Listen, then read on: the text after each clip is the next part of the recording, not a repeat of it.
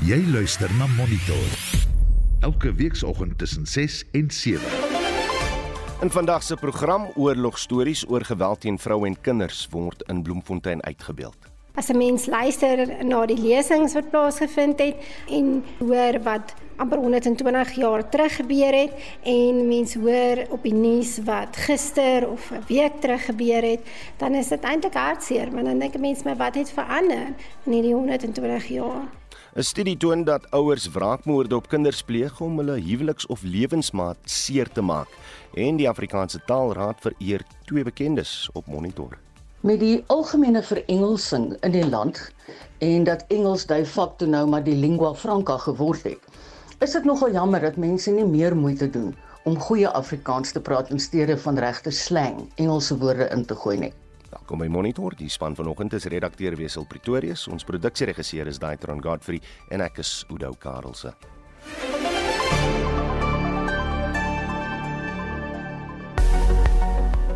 Goeiemôre van my kant ook. Ek is Marlene Forsie met die reisigers weer vir vandag, Dinsdag 29 November. 'n Geel vlak 1 waarskuwing word uitgereik vir skadelike wind langs die kus tussen Plettenberg Bay tot by Port Edward. Dit kan na navigasieprobleme lei en dan is daar ook toestande wat bevorderlik is vir die ontstaan van weggold veldbrande. Dis nou in die sentrale binneland van die Noord-Kaap, sowel as die sentrale en die Klein Karoo en die Bredevallei munisipaliteit munisipaliteit in die Wes-Kaap, dan word ook uitermate warm toestande verwag oor die Prins Albert, Oudtshoorn en Kanaland munisipaliteite in die Wes-Kaap. Ongemaklike warm toestande ook verwag oor die sentrale en Klein Karoo, asook die Swellendam, eSequa en Nyasa munisipaliteite. Dit neem ons na die maksimum en minimum temperatuur eerder Pretoria 1424, Johannesburg 1222 en Vereniging 1322.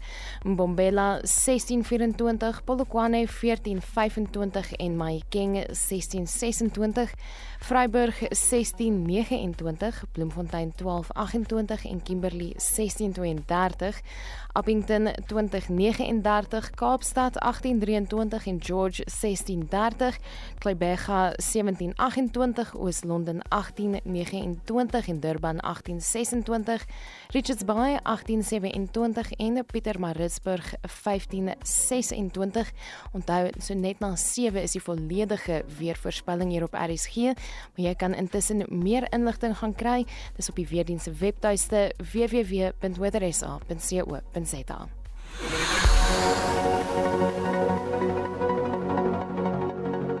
Daar is geen verkeer. In Kaapstad het ons net 'n kennisgewing vir die oomblik. Die N7 Noord na Platte Kloof sal vanaf 2 tot 5 Desember gesluit wees vir opknappingswerk. Dit sal Vrydag om 7 uur gesluit word tot en dit sal tot en met Maandagoggend om 5 uur duur.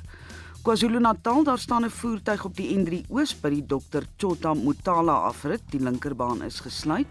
Dan staan daar ook 'n voertuig op die Sibaya Rylaan in 'n suidelike rigting. Die regterbaan is daar gesluit. In Gauteng op die N1 Suid net voor die Brakfontein afrit staan 'n vragmotor wat die twee linkerbane versper. Ek is Matlie Skeepers met die vroegoggend verkeersverslag op Monitor.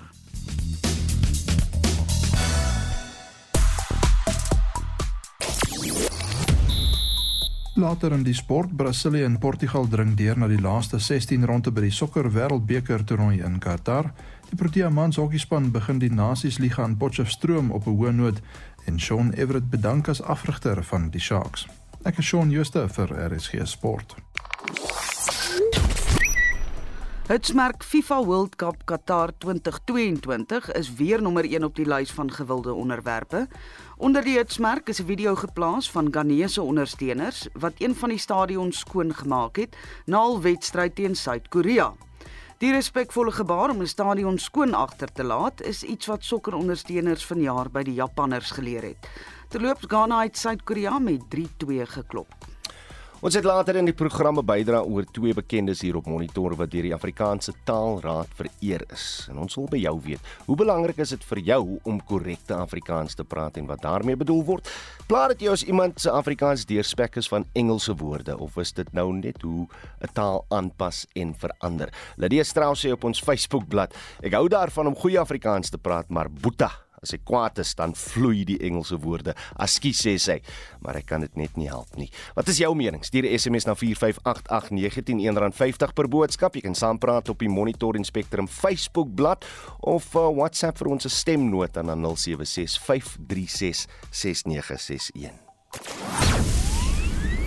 Jy luister na Monitor elke weekoggend tussen 6 en 7. Dis 11 minute oor 6. Die Hooggeregshof in Kleiberga het uitspraak voorbehou in die aansoek om verlof tot appel van die minister van minerale hulpbronne en die petroleum reus Shell.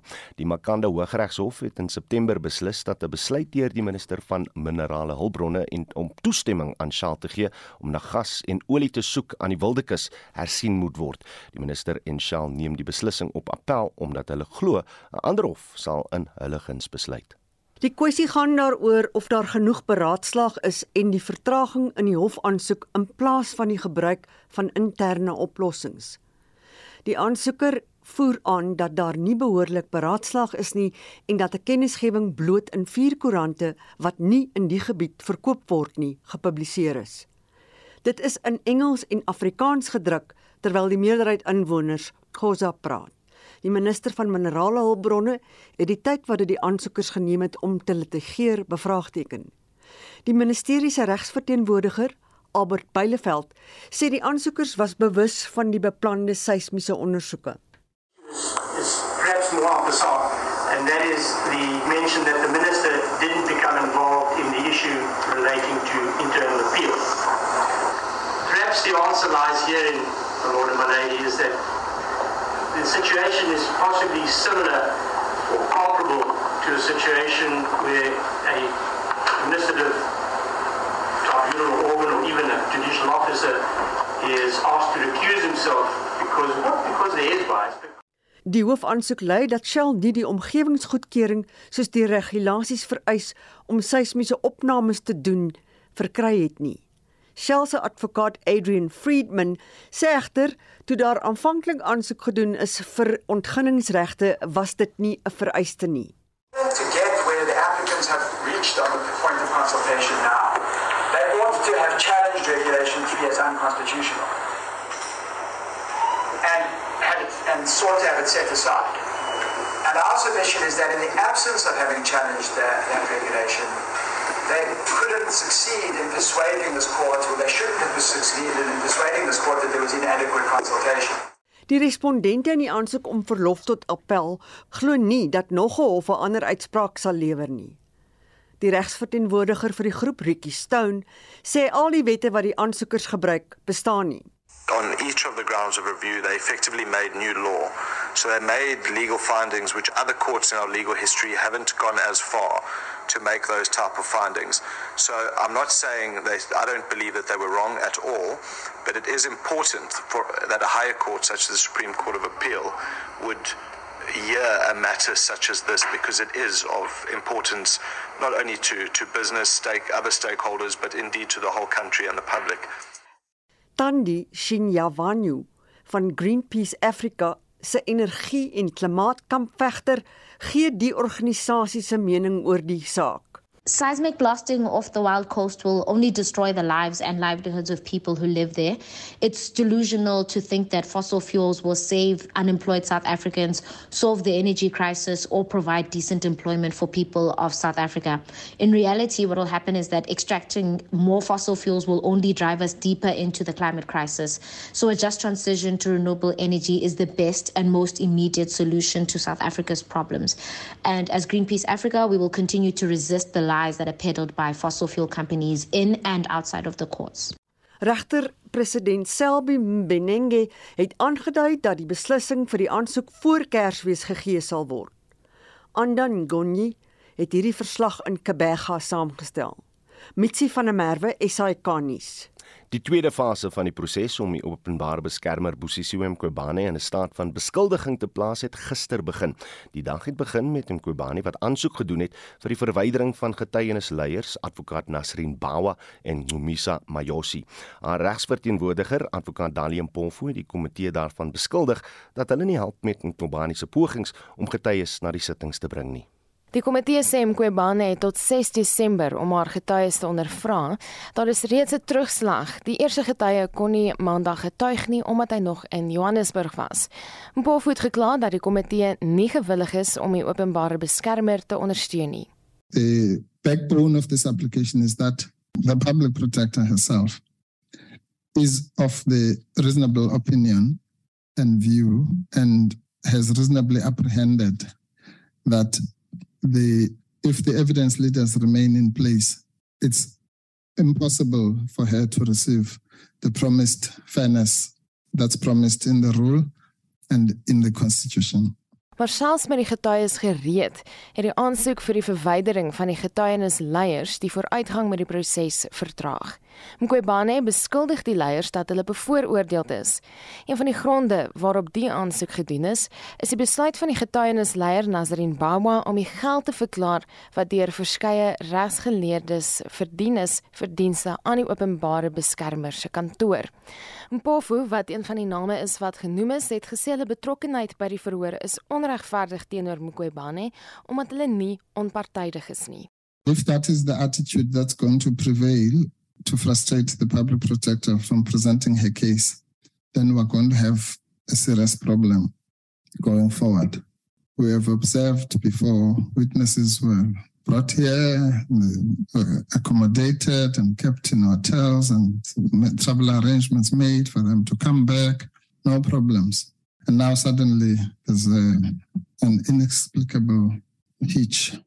Die vertraging om die getuienisleiers se reaksie te kry op die aansoek dat hulle verwyder word, het tot gevolg gehad dat die vergadering maandag vroeg verdaag is. Die voorsitter van die komitee, Klobudile Djanti, het gesê Mqobane en haar regspan moet die middag gebruik om hulle antwoord te oorweeg en hulle reaksie te formuleer.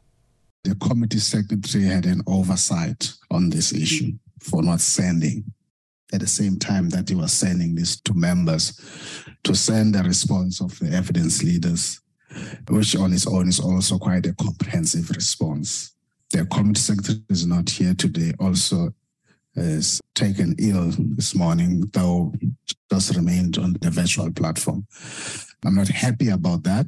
I'm not happy with the fact that that important aspect was not ticked off. There's no other way to explain it. Hierdie verslag deur Joseph Mosia, ek's Marlene Forsie vir SAK nuus.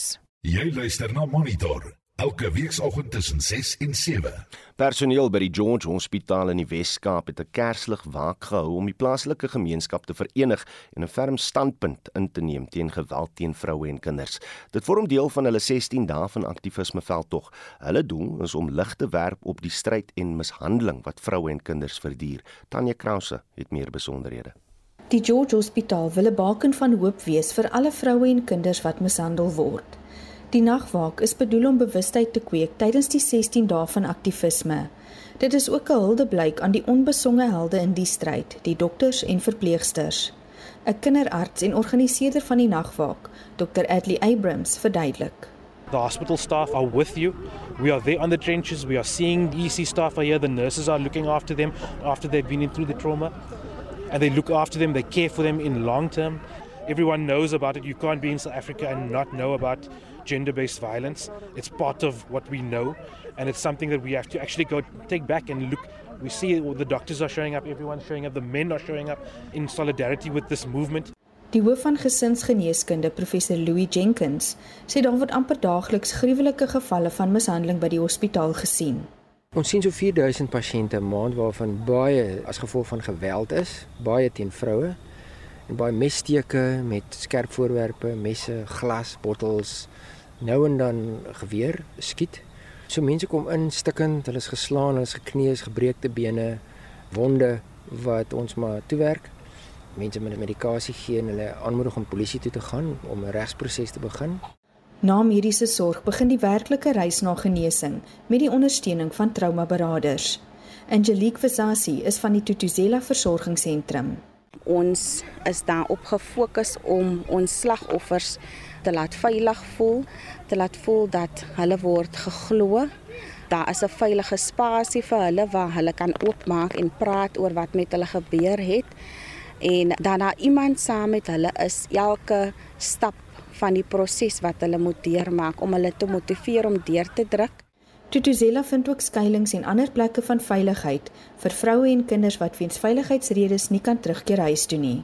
Ek is Tanya Krause op George. 'n Studie toon dat ouers wraakmoorde op kinders pleeg om hulle huweliks of lewensmaat seer te maak. Twee akademici, Dr Melanie Moon van die Universiteit Stellenbosch en professor Christian Besuidenhout van die Universiteit van Pretoria, het inligting oor wraakmoordsake van 2003 tot 2021 ontleed. Ons praat nou met Dr Moon van die fakulteit opvoedkunde. Goeiemôre Melanie. Goeiemôre. Vertel 'n bietjie meer van die inligting en hoe jy dit ingewin het. Ja, so ons het eh, 'n studie gedoen meestal met hofsaake en ehm um, koerantberigte oor 'n lang periode ehm um, van tyd waar ons basies gekyk het na die redes hoekom ouers ehm um, familiemoord pleeg, maar toe het ons basies besluit ons fokus net op die wat ehm um, wraakmoorde doen. So uh, ons ehm um, ja, so die die ons het ongelukkig in Suid-Afrika geen statistiek op hoeveel van hierdie moorde werklik gepleeg word want alle moord word onder dieselfde kam geskeer gesien as moord. So dis baie moeilik om te bepaal, maar ons sien dat ehm um, familiemoorde min of meer so 2.5% van alle moorde uitmaak. Ek weet nie wat jy ek Nee nee nee, nee dit dit dit gee ons 'n goeie begrip van waar die inligting vandaan kom. Sê my, hoeveel van hierdie oortreders was mans en hoeveel vroue? Ja, daar's 'n bietjie meer mans, daar sê maar omtrent van die uh, mans en vrouens wat ons daar gehad het, was die oor oor grootte meerderheid was mans gewees. Daar was maar sê maar so 4 of 5 van hulle was vrouens gewees.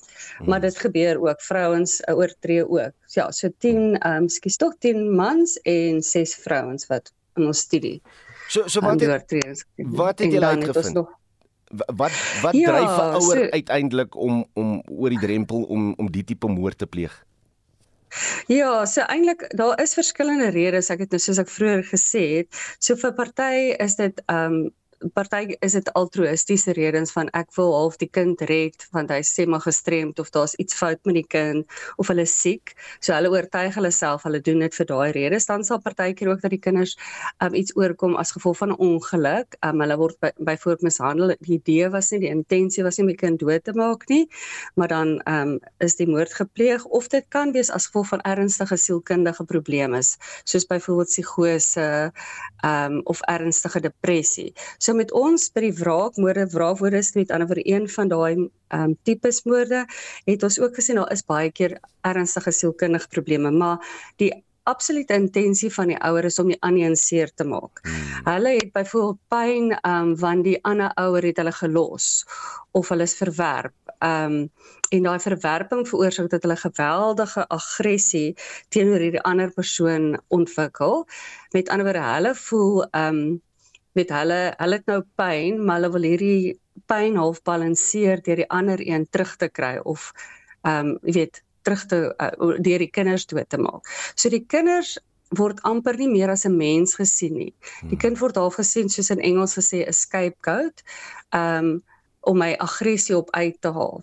Want ek het al baie wanneer ek met hierdie mense praat na die moord, dan sê hulle ek mis my familie baie ehm um, jy weet ek wens ek kan terug gaan net gedink wat bedoel jy eintlik maar dit is eintlik dat op daai oomblik sien hulle nie daai kind as 'n 'n mens aanpas jy kan sê wat ek bedoel nie. En dan later aan ehm um, ja dan dan besef hulle eintlik wat hulle doen met dan hulle dink nie aan die gevolge onmiddellik wat nou gaan gebeur nie en hulle dink net aan nou hulle dink nie aan die langtermyn gevolge nie En ja, so ons het basies gesien dit is 'n tyd gewoonlik tydens geweldige stresvolle tye wat hierdie goed gebeur. Is daar eksterne omstandighede wat bydra tot die moorde?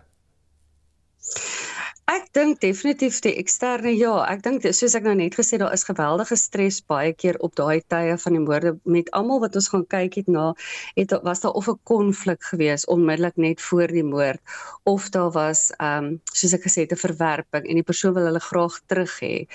Ehm um, daai tipe van goed, maar dan het die persoon ook in hulle self 'n tipe persoonlikheid of hulle het nie genoeg buffers in hulle self om met hierdie omstandighede te um jy weet te hanteer nie.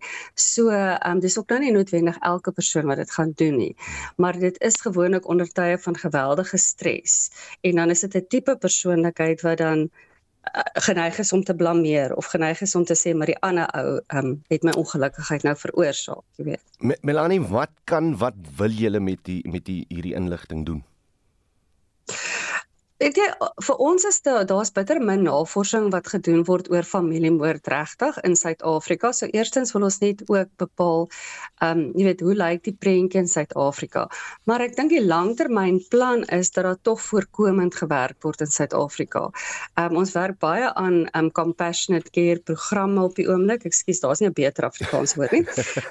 Ehm um, Ja, jy weet dat ons met ander woorde mense kry om vir mekaar ook om te gee. En al die moord of nie al die moorde, baie van die moordgevalle waarmee ek ook gewerk het al, het baie van die mense geweet, die bure het geweet daar's iets fout, die skool het hmm. geweet daar's iets fout. En my bekommernis is hoekom gee ons nie om nie of hoekom um jy weet why are we not paying attention? Hmm. So ons wil eintlik al hê mense moet weet wanneer iemand onder soveel geweldige stres en druk is, miskien moet ek inkom en ek moet kom help of ek moet kom weet om aanmoedig om dokter toe te gaan. Ek ek dink selfs die dokters hoor baie keer stories wat hulle dan nie noodwendig ernstig genoeg opneem nie. Jy weet as hierdie hmm. gevalle lees, as die dokter het gesê ja, ek wonder die ma's bietjie baie depressief. Ek weet nie hoekom, weet wat gaan aan by die huis. Maar ehm um, dan word dan nie noodwendig iets verder daarmee gedoen nie. So dis eintlik maar my hoop is dat ons op die ou end weet ehm um, genoeg bande in ons omgewings bou dat mense vir mekaar omgee, jy weet, en dit agterkom as daar iets aangaan. Ja, Dr. Melanie Moon, baie dankie vir jou tyd hier op Monitor. Sy is natuurlik van die fakulteit opvoedkunde aan die Universiteit Stellenbosch. Die DA sê hy gaan die parlement hof toe sleep sodat daar teruggekeer kan word na die normale werkswyse. Die party wil die parlement stop om sy saak op virtuele platforms te doen sedert die land die einde van die Grendelstaat oor COVID-19 aangekondig het. Die kritiek is dat die bestaande werkswyse by die parlement op die grondwetlike regte van gewone Suid-Afrikaners inbreuk maak omdat dat hulle nie aan die besluitnemingsproses kan deelneem nie. Die DA werk hard daaraan om alternatiewe vergaderplekke te kry om die 400 parlementslede en die publiek te huisves. Die hoofsweep van die DA, Siviwe Gwarube, sê die bestuur het genoeg tyd gehad om die versoek te oorweeg. Sy voeg by dat die parlement sekere dele van die grondwet oortree het deur nie voldoende verblyf te bied nie. That the institution is a contravention of the constitution and we will be taking this matter up with our lawyers to challenge this in court. Parliament had 10 months to resolve this matter.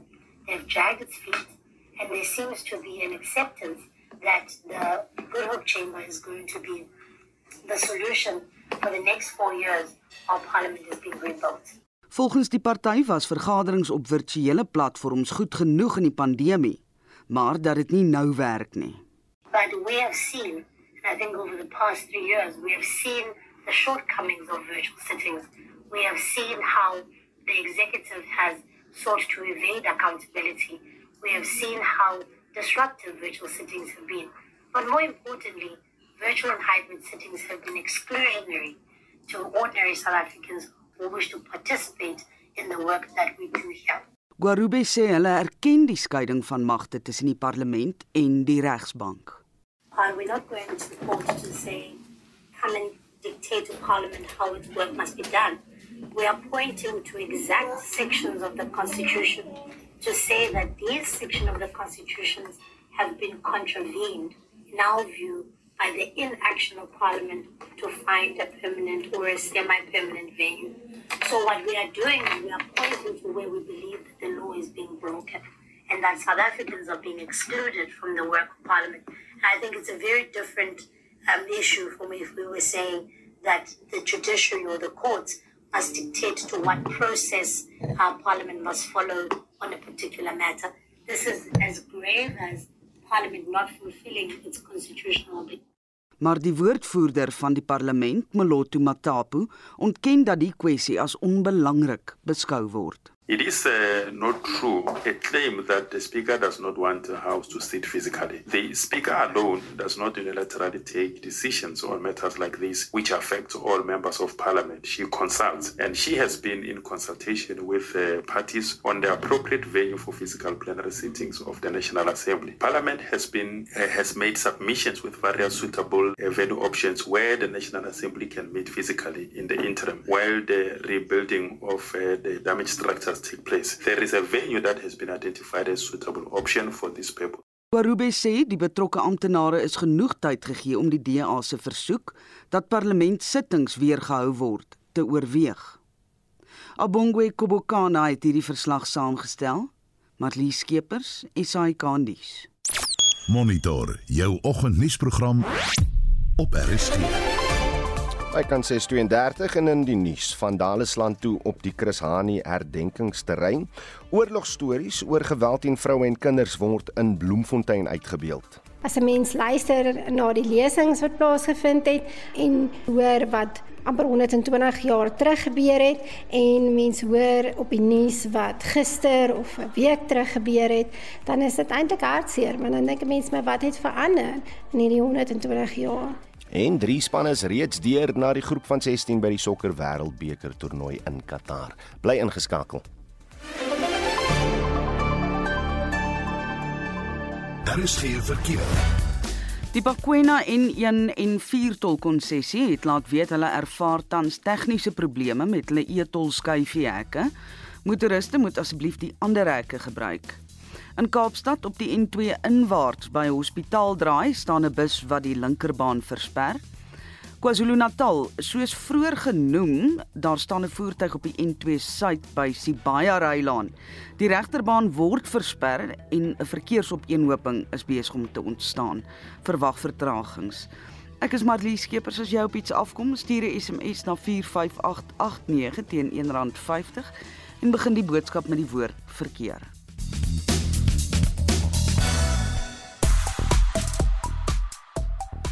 Ons vra vanoggend of dit jou plaas iemand se Afrikaans deurspek is van Engelse woorde of is dit nou maar hoe 'n taal aanpas en verander. Op WhatsApp skryf Dave Ek te kleintjie dood in mense wat kakiebos praat. Nee man, hou dit suiwer sê hy.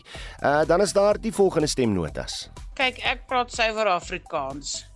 Maar as ek vloek, vloek ek in al die tale van Afrikaans reg deur al al die tale, al 11 van hulle. En dan sê ek nie een vloekwoord twee keer oor nie. Môre raak jy by 'n teerplekkie. Oudo, 'n mens praat van 'n vrokkie en jy praat van pantoffels. Deesdae hoor ek van 'n veste en slippers. Dit breek my hart as ek hoor selfs mense met onderhoude op TV of op die radio meng hulle woorde so met Engels. Geen wonder daar word gesê deur Charlie Stron dat daar net 44 mense is wat Afrikaans praat. Herman Potgieteriso. Ja nee, ek stem heeltemal saam. Dit irriteer my grensloos as mense so Engels en Afrikaans te mekaar gooi. Ek het in Engelse skool groot geword van begin tot einde alhoewel ek Afrikaans is. Maar as ek Afrikaans praat, praat ek Afrikaans en as ek Engels praat, praat ek Engels en as ek nie op die woord kan kom nie, dan sal ek liewerste wag en kyk tot ek die woord kry. Um voordat ek sommer net 'n Engelse woord sal ingooi. En dan wil ek ook net Liana Botma Versaghi op Facebook se terugvoer byvoeg. Sy sê die ergste lelikste Afrikaans is die dialek Afrikaans. My ma en my pa kom ons gaan daarheen. Waar kom hierdie uitsprake vandaan? Wel, dan wil ek ook weet is daar iemand daar buite wat tog hulle tale meng en dink dit is aanvaarbaar. Stuur 'n SMS na 4588910 R50 per boodskap. Jy kan ook saampraat op die Monitor en Spectrum Facebook bladsy en julle WhatsApp stemnotas deur na 0765366961. Nou, Shaun Jooste sluit nou by ons aan vir die jongste sportnuus. Môre, Shaun. Goeiemôre Oudo. Nog 'n interessante aand gisterand, maar drie spanne nou reeds deur na die laaste 16 ronde by die sokker wêreldbeker toernooi en uh, die Afrika spanne dreig ook om die uitklopfase uh, te kwalifiseer daarvoor. Ja, gister was nog 'n goeie dag vir die vir die Afrika spanning. Ghana het Suid-Korea met 3-2 geklop en Kameroen speel gelyk op 3-1 teen Servië nadat hulle op 'n stadium 3-1 agter was. Nou Portugal is reeds deur na die volgende ronde. Hulle wen 2-0 teen Uruguay en so ook Brasilië na hulle 1-0 oorwinning oor Switserland en Frankryk is die ander span wat reeds deur is. Nou ja, die groepsfase se laaste 16er of se laaste ronde eerder begin vandag. Vanmiddag 5uur speel Ecuador teen Senegal en Qatar teen Nederland. Nederland en Ecuador kort net 1 punt om na die volgende ronde deur te dring terwyl Senegal moet wen om deur te dring. Dan vanaand 9uur kom Engeland teen Wales en Iran teen die VSA te staan. Engeland kort ook net 1 punt terwyl die VSA 'n oorwinning kort om deur te dring. Ons vroue Protea netbalspan het oor die naweek met die Diamant Liga reeks titel weggestap en nou is dit tyd vir ons Protea mans hokkiespan om hopelik dieselfde te doen in die Nasiesliga. Ja, die Nasiesliga vind in Potchefstroom plaas gister begin en kom Sondag tot einde. Nou die Proteas het op die beste moontlike manier begin deur Pakistan met 6-2 af te ransel. Hulle was rustig 3-1 voor. Ierland het 2-1 teen Frankryk, Suid-Korea 1-0 teen Maleisië en Japan 3-0 teen Kanada geseëvier. Die Proteas vandag so 'n bietjie moeiliker wedstryd, hulle kom vanmiddag 3 uur teen Frankryk te staan. Ja, ek het gister gewonder of er enigiets by die uh Sharks aan die kook is want in enige sportjoernaal is uitslaa baie belangrik en wanneer jy 35-0 op jou tuisveld verloor is daar gewoonlik nagevolge nie waar nie. Ja, die Sharks natuurlik Sondagmiddag uh, 35-0 wat hulle 'n les geleer is hoe om op 'n nat veld natuurlik in die reënerige omstandighede deur Cardiff geleer. En uh, dit was so erg dat die uitvoerende hoof Edward Coetzee na 'n tyd verskoning gevra het vir die ondersteuners. Nou as ondersteuners dit nooit lekker om so iets te moet hoor nie. Nou die Sharks het gisterand aangekondig dat die hoofafrigter Sean Everett met onmiddellike ingang bedank het. Die direkteur van rugby Neil Pell neem nou oor as hoofafrigter dis vir die res van die Verenigde Rugby Kampioenskap reeks en ook die Heineken Kampioenskapsbeker wat op 10 Desember daar vir die Sharks begin. En ek sien wêreld rugby oorweeg gestopperlosie vir onder meer skrims en lynstaande. Ja, die BBC het gister rapporteer dat die uh, wêreldrugby die stopoorlosie oorweeg soos jy sê vir die skrims lynstande en ook stelskoppe. Nou dit is om tydmors so 'n bietjie te verminder en spel vinniger te maak. Nou ons weet skrims kan veral nogal baie tyd opneem. En dan die interaksie tussen skeieregters en TV-skeieregter kan ook moontlik binnekort by die stadions uitgesaai word en die voorstelle word nou die week deur wêreldrugby oorweeg en sal hooplik daarna in iets meer konkreet verander sal jou wetenskap aangaan. Hy klok, hy gaan 'n borg hê. Shaun Jooste van RC Sport, baie baie dankie vir jou tyd hier op Monitor.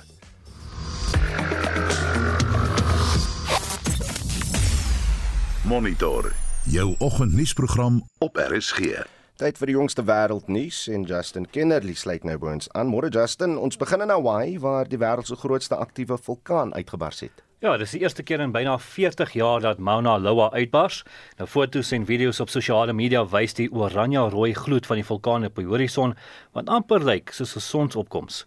Nou die lava vloei word meestal tot binne die kruin beperk, maar inwoners is gewaarsku om waaksaam te wees aangesien die situasie vinnig kan verander en die vulkaan se waarskuwingsvlak is ook opgegradeer na die hoogste klassifikasie.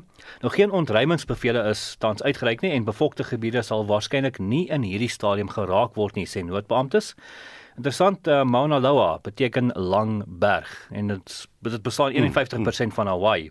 So hierdie vulkaan styg ook 4 km bo seespieël en strek oor 'n gebied van meer as 5000 vierkante kilometers, nogal uh, 'n uh, bilie van 'n vulkaan. Absoluut. En China het betogings teen COVID uh, beperkings of inperkings bietjie begin afplat. Ja, en hierdie betogings soos jy sal onthou het 5 dae gelede begin nadat 'n brand in 'n uh, woonstelblok in Urumqi, Wes-China 10 mense se lewens geëis het. Daar word algemeen geglo dat inwoners weens COVID-beperkings nie die brand kon vryspring nie, iets wat die owerheid ontken. Nou 'n sterk polisie teenwoordigheid in verskeie Chinese stede, gepaard met talle inhegtenisnemings, beteken egter dat mense se stemme stiller geword het. Hulle keer dat mense foto's neem, dis net die polisie van die betogings en dwing mense om foto's op hul fone en kameras uit te vee. Maar daar is steeds groepe mense wat die strate invaar en in 'n stille protes lewer.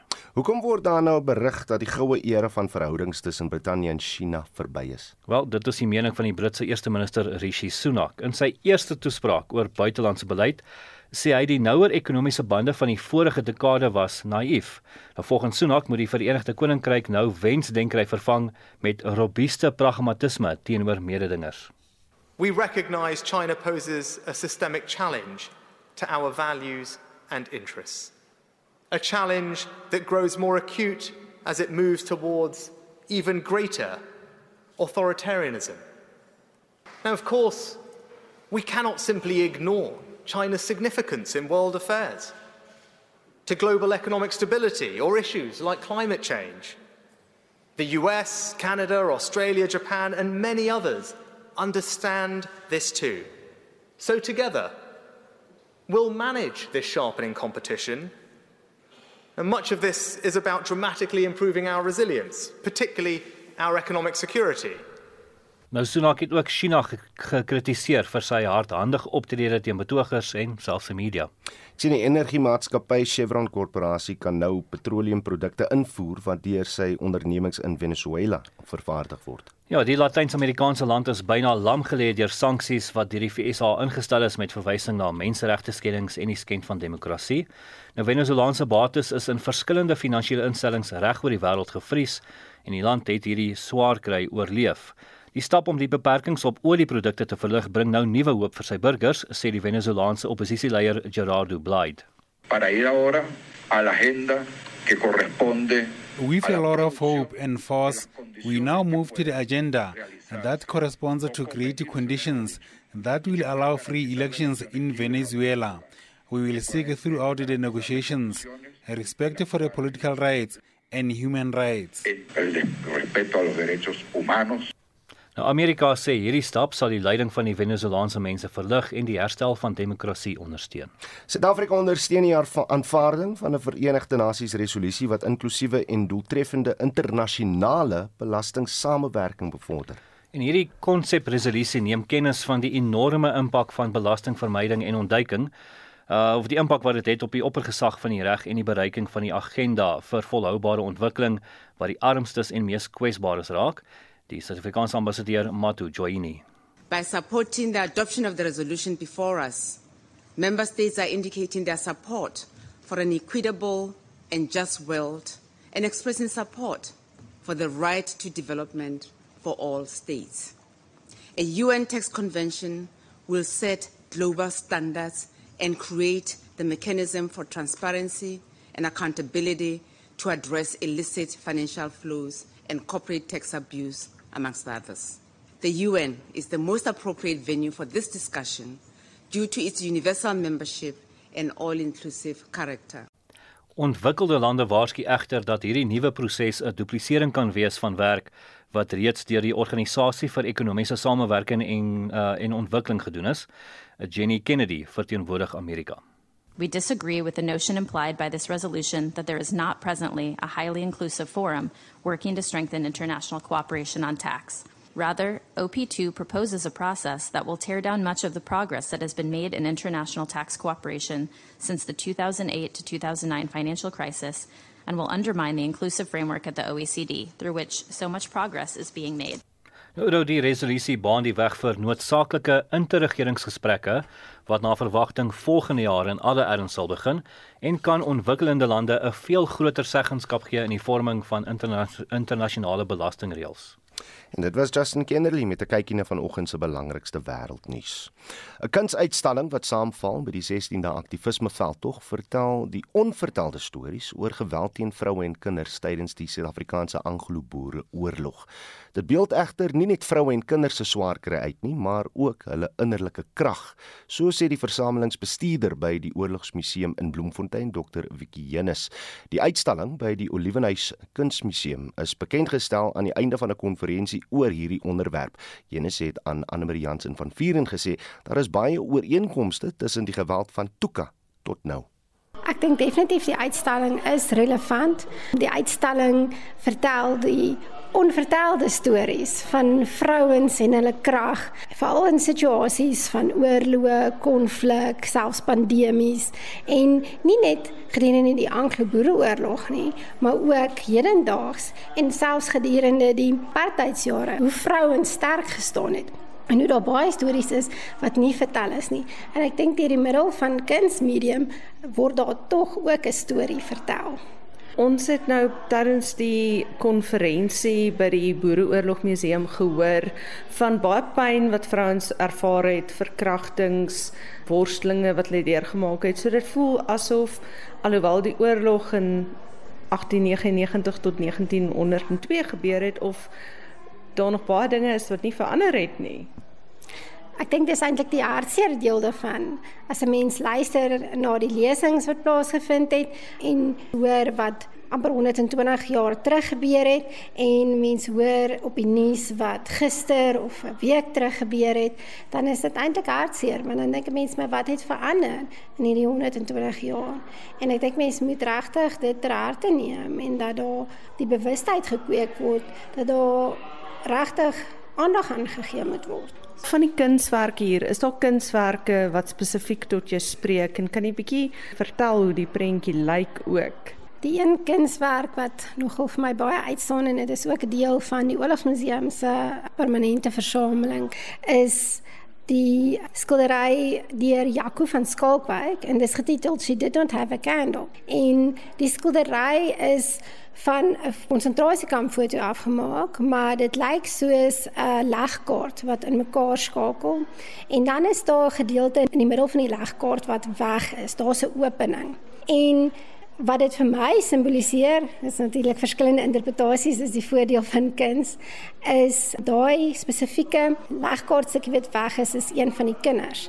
So dit wys daai leemte wat gelaat is gedurende die oorlog van een van die kinders wat gesterf het en die gesinsverband is uitmekaar uitgeruk en daar is 'n leemte, daar's 'n stukkie weg. Een wat vir my nou weer uitgestaan het was van jong meisies wat gewapen is met gewere. Dit lyk ook of dit afspeel tydens die Boereoorlog.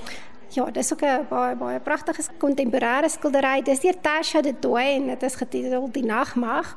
Daarso wys dit weer vir my vir al die jonger generasie, daai sterkte, daai wilskrag wat na vore kom. En vir al die jong meisies, dit wys hulle is hulle is nie bang nie.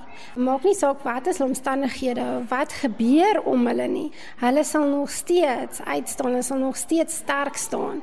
En ek dink dit simboliseer baie van ons jong meisies ook vandag en dat 'n mens dit harte kan neem en eintlik hoop kan hê dat jong meisies en jong vrouens nog steeds hulle sterkte kan vind en dat hulle nie sal oorweldig word deur omstandighede nie.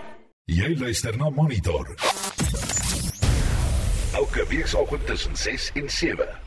Al is nou tyd vir ons bydra wat verband hou met ons luisteraars vraag vanoggend. Twee ou bekendes is deur die Afrikaanse Taalraad met koker eerbewyse vereer vir hul lewenslange bydra tot Afrikaans. RSG se eie Marieta Kreer en Dr Willem Botha die hoof redakteur van die Woordeboek van die Afrikaanse taal wat elke Vrydag ons woord van die week rubriek behartig. Marieta verduidelik hoe Afrikaans verander het sedert sy 42 jaar gelede in die uitsaai wese begin werk het. Toe ek aanvanklik begin uitsaai het, was hulle baie gestel daarop dat 'n mens keurige Afrikaans gebruik. Ek dink dit het ook baie te doen gehad met die audisie wat baie streng was in die ou dae en jy moes letterlik van klassieke werke weet. Jy moes weet wie's al die Hertzogpryswenners, jy moes alle musiekterme behoorlik kon uitspreek. En sou jy 'n fout maak met 'n stad of 'n pleknaam, dan het hulle beslis vir jou daarop gewys. met die algemene verengelsing in die land en dat Engels de facto nou maar die lingua franca geword het. Is dit nogal jammer dat mense nie meer moeite doen om goeie Afrikaans te praat in steede van regte slang, Engelse woorde in te gooi nie. Dis dieselfde moeite of jy in Afrikaans of in Engels dink, jy moet net daaraan aandag gee. So dit het beslis verander en mense van wie die tegnologie gebruik baie terme wat suiwer Engels is. Dis die verskil dink ek van toe ek aanvanklik begin uitsnaai het na nou toe. Mense is ook net nie meer so trots op die taal wat hulle gebruik nie. En wat beskou sy as haar bydra tot die voortbestaan van Afrikaans? Nou so lank tyd wat 'n mens in Afrikaans uitsaai, dink ek die bydra wat jy enigstens kan lewer is om elke dag jou werk te doen dit met oorgawe te doen en dit met goeie Afrikaans te doen.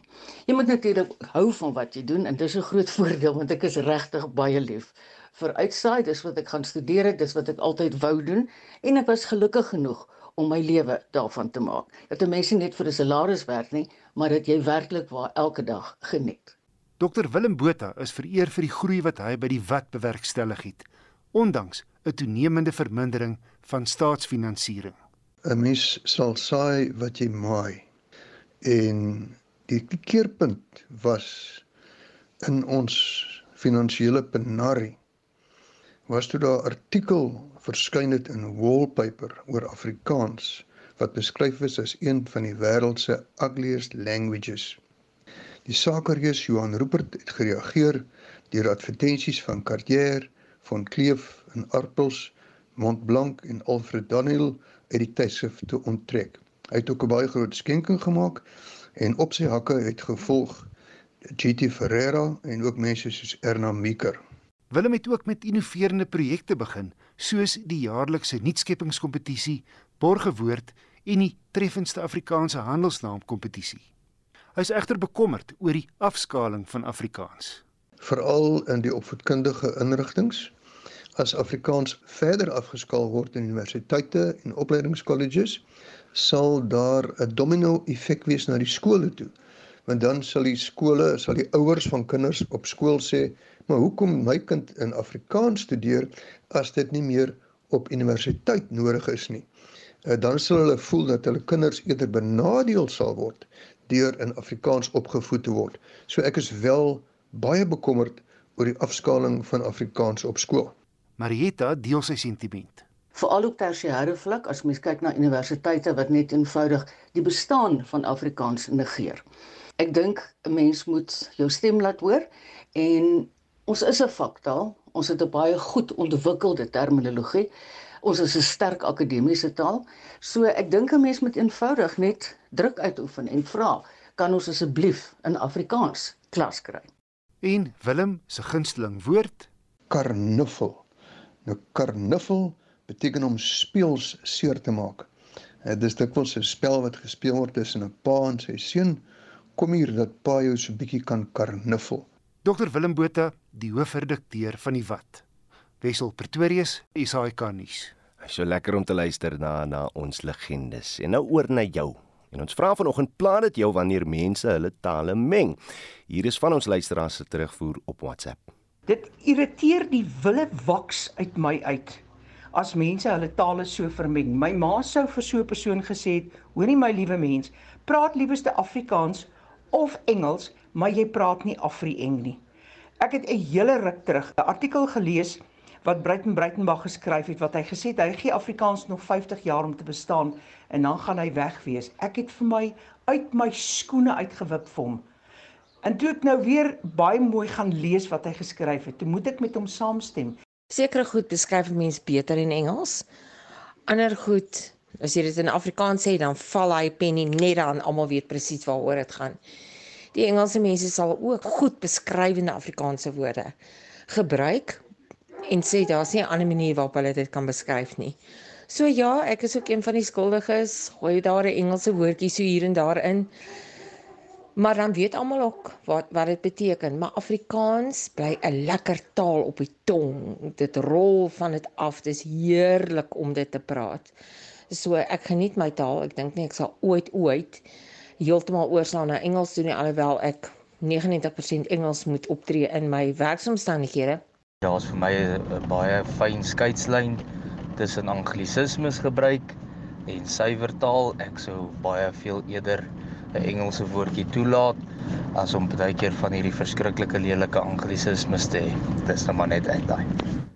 So wat is jou mening? Stuur 'n SMS na 4588919 R50 per boodskap. Jy kan ook saampraat op die Monitor en Spectrum Facebookblad of WhatsApp vir ons 'n stemnota na 0765366961. Daar is geen verkeer. KwaZulu-Natal, daar sta, daar is padwerk op die N3 Wes net voor Pieter Brown weg. Die middelste baan is gesluit. Daar staan 'n voertuig op die N2 Noord net voor die Umhlanga wisselaar. Die linkerbaan word versper. Ek is Marlie Skeepers en dit was die vroegoggend verkeersverslag op Monitor.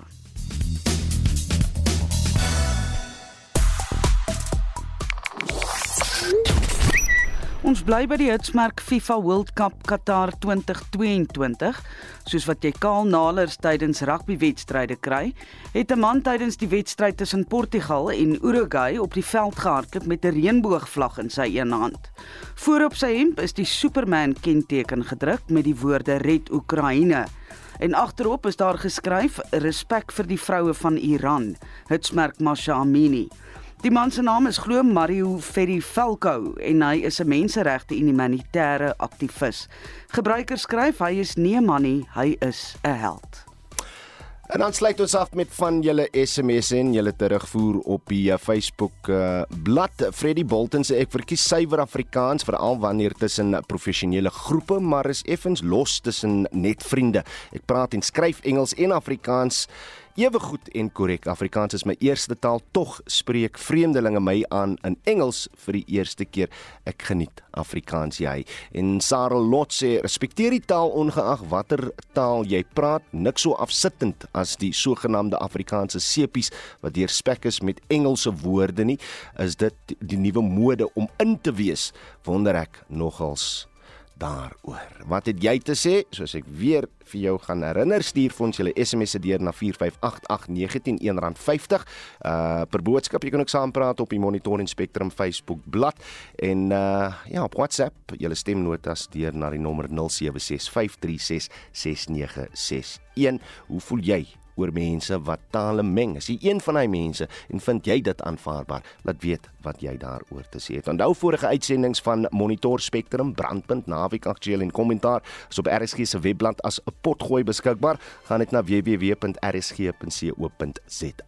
Ons groet dan namens ons uitvoerende regisseur Nicoline de Wee, ons redakteur vanoggend is Wessel Pretorius, ons produksieregisseur is Daitron Godfrey en ek is Udo Karlse. Totsiens.